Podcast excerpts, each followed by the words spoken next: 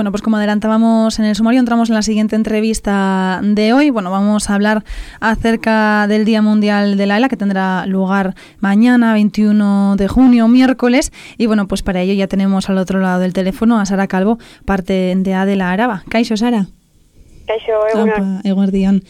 Bueno, pues eh, ya hace un par de semanas eh, también estabas eh, con nosotros aquí en los micros, bueno, pues hablándonos acerca de esa iniciativa de Cineforum que organizabais desde Adela para, bueno, pues para ver esos documentales y conocer también un poco mejor la ELA. Pero bueno, pues ahora que nos centramos también en este Día Mundial, bueno, pues me gustaría comenzar preguntándote qué, qué es la ELA. Pues mira, la ELA es una enfermedad neurodegenerativa progresiva que a día de hoy sigue sin tratamiento y sigue sin cura. Es una enfermedad que se diagnostica por descarte de otras enfermedades y que no es nueva, lleva más de 165 años que se descubrió la primera persona con síntomas de ELA, pero seguimos en el mismo punto de mm, evolución en cuanto a la, el diagnóstico y a la prevalencia y a la evolución de la enfermedad. Es una esperanza de vida muy cortita la que tienen nuestras personas enfermas, de 3 a 5 años de media, y es una enfermedad pues realmente muy cruel porque mientras te vas quedando encerrado en tu propio cuerpo se va paralizando, se pierde la capacidad del habla, que no la comunicación porque se pueden adaptar sistemas, o la de deglución, pues eh, tu cabeza permanece intacta todo el tiempo. Y eso es muy cruel porque te vas dando cuenta de toda la degeneración. Comentabas que, que, no es una enfermedad nueva. Me gustaría preguntarte si al no ser nueva también es conocida esta enfermedad o si se suele confundir con alguna otra. Sí, normalmente la palabra esclerosis nos lleva a confundir muchas veces con esclerosis múltiple y son enfermedades, por ejemplo, totalmente diferentes. No tienen nada que ver ni en el diagnóstico ni en el pronóstico. Tienen en común que son neurodegenerativas, pero son totalmente diferentes. La ELA en sí, pues es una enfermedad que además Mm, es una lotería que le puede tocar también a cualquiera. Hay una franja de edad muy variable, desde hay niños en España que tienen ELA hasta personas mayores y tampoco hay mayor incidencia en hombres o mujeres. Son normalmente personas sanas que de repente un día empiezan a notar debilidad o bien en la fase, hay dos inicios. Uno puede ser vulvar, si empieza por la fase de la afectación del habla y la degución, o espinal, si empieza por la reducción de la movilidad y a la medida que avanza la enfermedad, pues ambas confluyen en la misma parte y se ven afectadas tanto la parte espinal como la vulvar. Bueno, comentabas también un poco eh, cómo afecta esta enfermedad a la persona que la padece. También decías, ¿no? Que, que, incluso bueno pues puede darse eh, desde muy pronto de bueno pues en una edad muy temprana y, en la anterior eh, entrevista también nos comentabas ¿no? que al final es una enfermedad que, que, no tiene, por así decirlo, ¿no? ningún patrón eh, fijo, que, que, como bien decís desde Adela, que puede ser una lotería. Así está, bueno, pues esa parte en cómo afecta a las personas enfermas de la ELA y cómo afecta también a las personas del entorno y a las cuidadoras? Sí, bueno, hay un 10% de, de ELAs que son de origen familiares, sí que hay unos cuantos genes eh, que están detectados, pero el 90% es esporádico, no tienen otros casos en la familia, ¿no? Y es una enfermedad, como decíamos, que no solamente afecta a la persona enferma, sino que afecta a todo el entorno familiar, porque normalmente la persona cuidador principal es eh, un familiar que tiene que dejar de trabajar para poder cuidar a su persona enferma de los cuidados que requiere a medida que avanza la enfermedad. Es necesario estar cuidando a la persona 365 días al año, las 24 horas del día. Entonces afecta mucho a, todo el entorno familiar porque dejas de tener unos ingresos porque tienes que dejar de trabajar, pero además la enfermedad en sí es muy costosa. Muchas familias, de hecho, eh, deciden que no tienen medios económicos suficientes para afrontarla y deciden morir porque no pueden afrontar el coste de la enfermedad. De los cuidados expertos que se necesitan y de todas las ayudas que se necesitan, ayuda, eh, adaptación de vivienda, adaptación de vehículos, eh, ayudas técnicas para mantener esa eh, capacidad de moverte, una silla de ruedas, por ejemplo, una silla de ruedas tanto para salir a la calle como para la ducha, etcétera, etcétera. ¿Y cómo, cómo interviene Adela en todo este proceso? Pues mira, Adela somos una asociación que estamos formadas por familias que cuidamos a otras familias. Somos todas familias voluntarias que o bien hemos pasado el proceso y ya nuestra persona enferma, nuestro familiar no está, o están en este momento. Entonces conocemos de primera mano todo lo que va a pasar eh, y cómo se pueden sentir las personas que son recientemente diagnosticadas. Y también sabemos de primera mano todas esas necesidades que el sistema a día de hoy no cubre. Nuestros principales pilares son, por ejemplo, las terapias, fisioterapia, logopedia, terapia ocupacional, grupos de ayuda mutua, eh, gestión de emociones, gestión de mm, aspectos, cuidados emocionales, ¿no? Porque el sistema está preparado para personas que pueden recuperarse, pero no así como para personas que no son recuperables. Entonces, está demostrado que estas terapias a nuestras personas enfermas les ayuda a mantener su calidad de vida el mayor tiempo posible, les ayuda a mantener su autonomía el mayor tiempo posible, pues a prevenir úlceras por presión, a prevenir eh, otros síntomas derivados de la evolución de la enfermedad y nosotros tenemos que cubrirlo porque el sistema no lo cubre. En ese sentido estamos haciendo de proveedores de servicios de esos servicios que el sistema no, no cubre. Otro de los pilares fundamentales de la asociación es la formación, porque claro, también esta enfermedad eh, avanza de modo diferente en cada una de nuestras personas y los familiares normalmente no tienen conocimiento de todo el aparataje que se necesita para poder cuidar bien a nuestras personas enfermas, de lo que depende su vida un aspirador de flemas, un asistente de tos, una sonda para comer y tenemos que formarles para que puedan eh, ellos tener las herramientas suficientes como para poder cuidar bien a su familiar y que el familiar tenga la tranquilidad y seguridad de que quien le está cuidando tiene esas nociones mm, básicas y fundamentales, esos cuidados expertos para poder manejarlo. Igualmente que hacemos con los familiares, hacemos también con los cuidadores eh, profesionales que acuden de ayuda a domicilio. Normalmente tienen una formación sanitaria, pero que no cubre eh, las especificidades de la ELA, ¿no? Entonces, ahí también es trabajo de la asociación en poder darles esa formación. Y también pues hacemos acciones de visibilidad porque está claro que lo que no se ve no existe.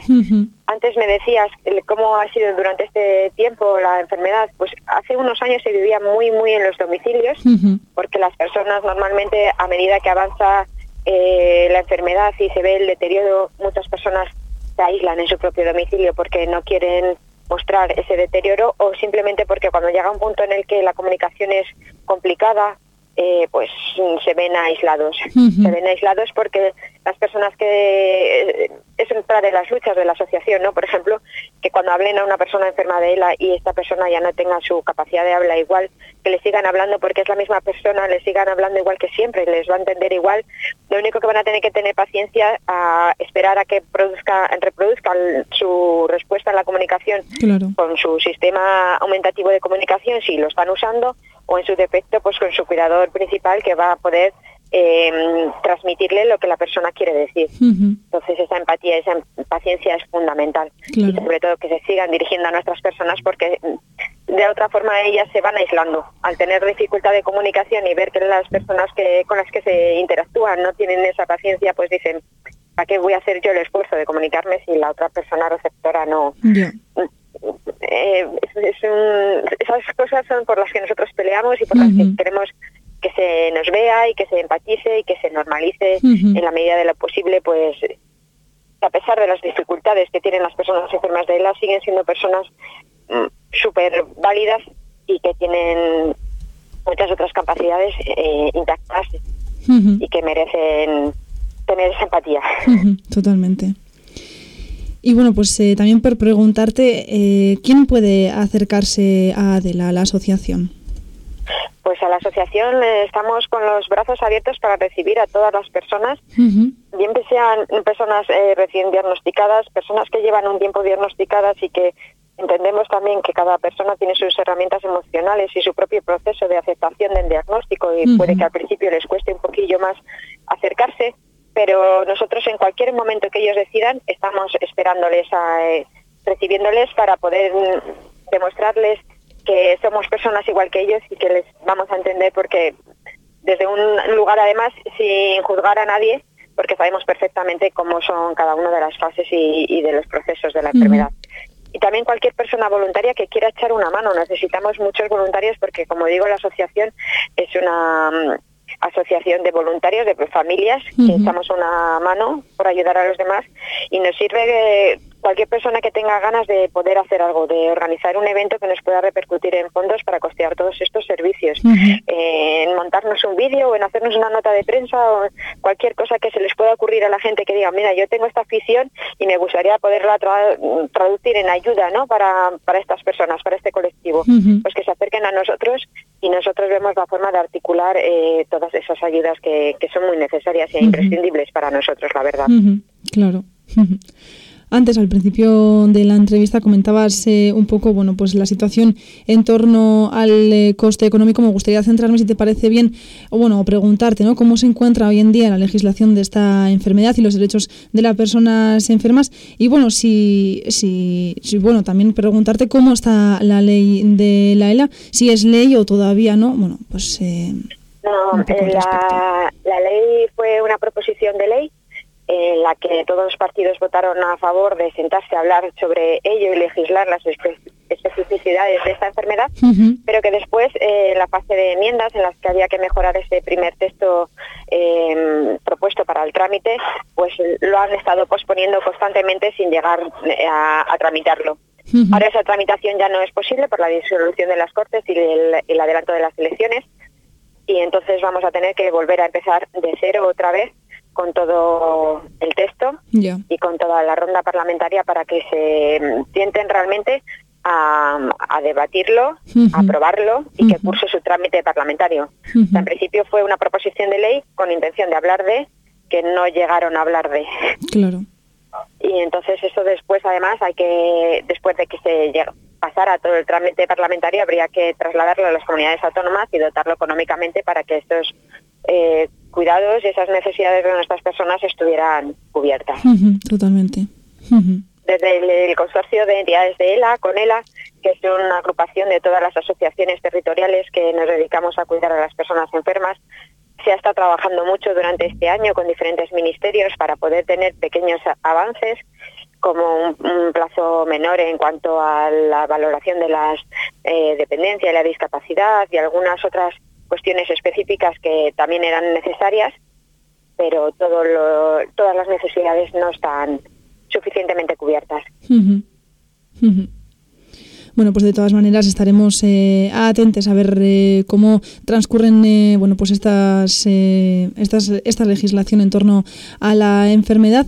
De mientras, bueno, si te parece bien, seguimos hablando un poco acerca de, de mañana, de ese 21 de junio, miércoles, siendo el Día Mundial de la ELA, como decíamos. ¿Qué supone para vosotros este día? Pues es un día muy importante para nosotros porque en primer lugar es un momento de encuentro entre todas nuestras familias, para nosotros eh, poder realizar eventos de visibilidad es también esa excusa, entre comillas, de poder volver a juntarnos, de salir a la calle, de reencontrarnos unos con otros, que es tan importante para nosotros. Y de, como decíamos antes, de que la sociedad eh, ponga cara a nuestras personas y pueda generar esa empatía con, con ellas. Y hace muchos años, bueno, muchos, unos poquillos años, empezamos con una campaña que es muy bonita, que es iluminar edificios emblemáticos de de verde, que es nuestro color, el color de la esperanza por encontrar esa cura.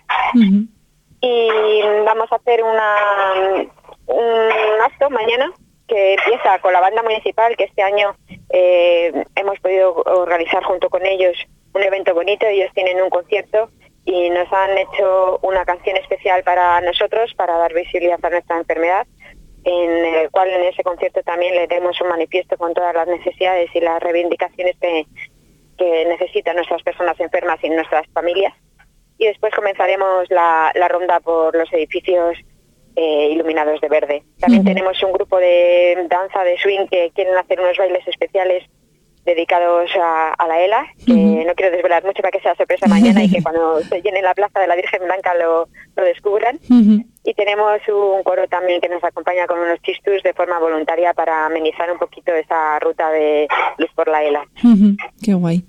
Bueno, pues si no... Es muy bonito para nosotros porque intentaremos ser marea verde, llevaremos nuestras camisetas verdes y todo el que vea mañana el color verde que, que la asocia que la ELA existe y que necesitamos que la conozcan y que, y que nos cuiden, que cuiden a las personas enfermas de ELA y a sus familias.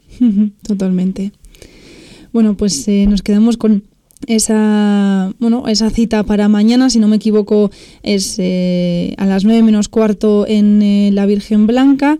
Eh, bueno hasta ahora también habéis tenido este fin de semana otras iniciativas un poco pues dentro de la programación de, de este Día Mundial por la ELA y bueno también preguntarte que bueno si no me equivoco también mañana se estrena un, un documental no sé si es un documental o una película el aleteo de las mariposas. No sé si, bueno, pues eh, un poco en torno a este día, no sé si podrías eh, comentarnos eh, algo al respecto. Sí, mira, en cuanto al fin de semana que hemos pasado, también ha sido una experiencia muy bonita porque tenemos que agradecer a los gimnasios Altafit en Vitoria, en Quecho y en Donosti que nos han hecho una jornada de G-Bike de masterclass muy bonita para dar visibilidad a, nuestra enfermedad. Esto fue el sábado en los tres territorios y el domingo realizamos en Urnieta una comida de hermandad también entre las tres provincias y los tres territorios, que como digo, estos momentitos de encuentro son súper importantes para nosotros. Y como bien decías, mañana se estrena en Movistar a, las 8 con, el motivo del Día Mundial de la ELA en la Letea de las Mariposas, que es un documental impecable, extraordinario, que nadie puede perderse.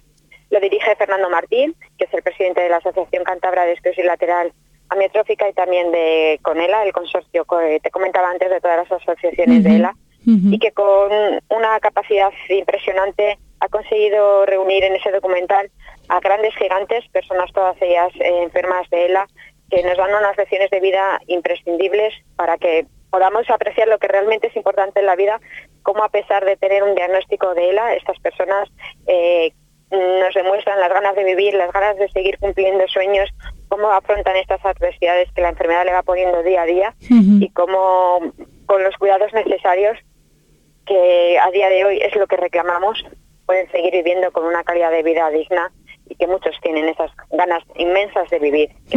Ninguna vida tendría que depender económicamente de los recursos económicos que, que, tuvieran las personas para poder decidir seguir viviendo. Totalmente. Y de verdad que son todos imprescindibles son gigantes, como veréis en el documental, que espero que mañana sea viral y que lo vea muchísima gente, porque será un antes y un después, es un referente este documental, es una obra maestra que, merece ser vista por todos. Pues Sara, mi es que por estar aquí hoy con nosotros en Suelta la por traernos todas estas eh, cuestiones en torno a la ELA y al Día Mundial de la ELA. No sé si te gustaría añadir alguna cosita más antes de dejar aquí la entrevista por hoy. Pues me gustaría mucho agradeceros estas oportunidades, este altavoz que nos ofrecéis para poder dar a conocer tanto a las em, personas enfermas de a sus familias y nuestra labor en la asociación.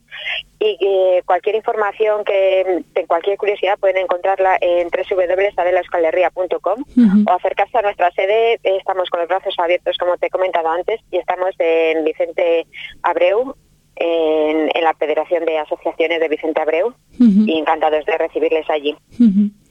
Pues Muchísimas gracias. Mi Esker, Sur y Sara, recordamos esa cita de mañana 21 de junio a las 9 menos cuarto en eh, la Virgen Blanca. Y nada, pues eh, lo dejamos aquí por hoy. Nos escuchamos pronto con más. Sara, mi A vosotros. Gracias de corazón.